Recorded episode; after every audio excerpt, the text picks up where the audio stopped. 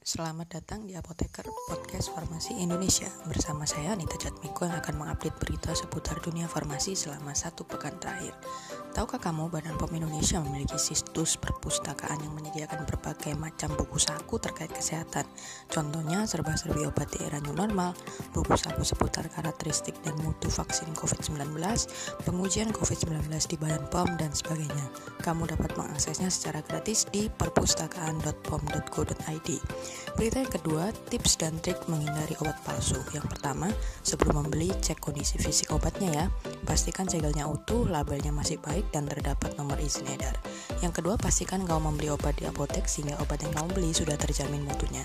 Berita yang ketiga datang dari Therapeutic Goods Administration atau Department of Health Australia yang menyebutkan bahwa terdapat perubahan kategori pregnancy drug dari propylthiouracil dan carbimazole yang awalnya masuk dalam kategori C menjadi kategori D.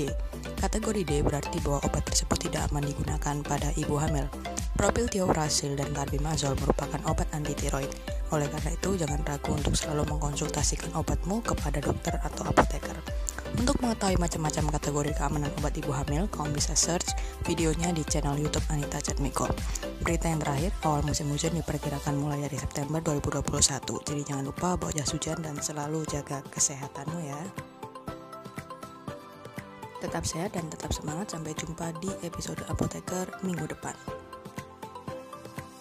Pendaftaran kelas bimbel online Master UKAI sudah dibuka. Kegiatan bimbel akan dimulai pada bulan Oktober. Informasi pendaftaran silakan buka di masterukai.com.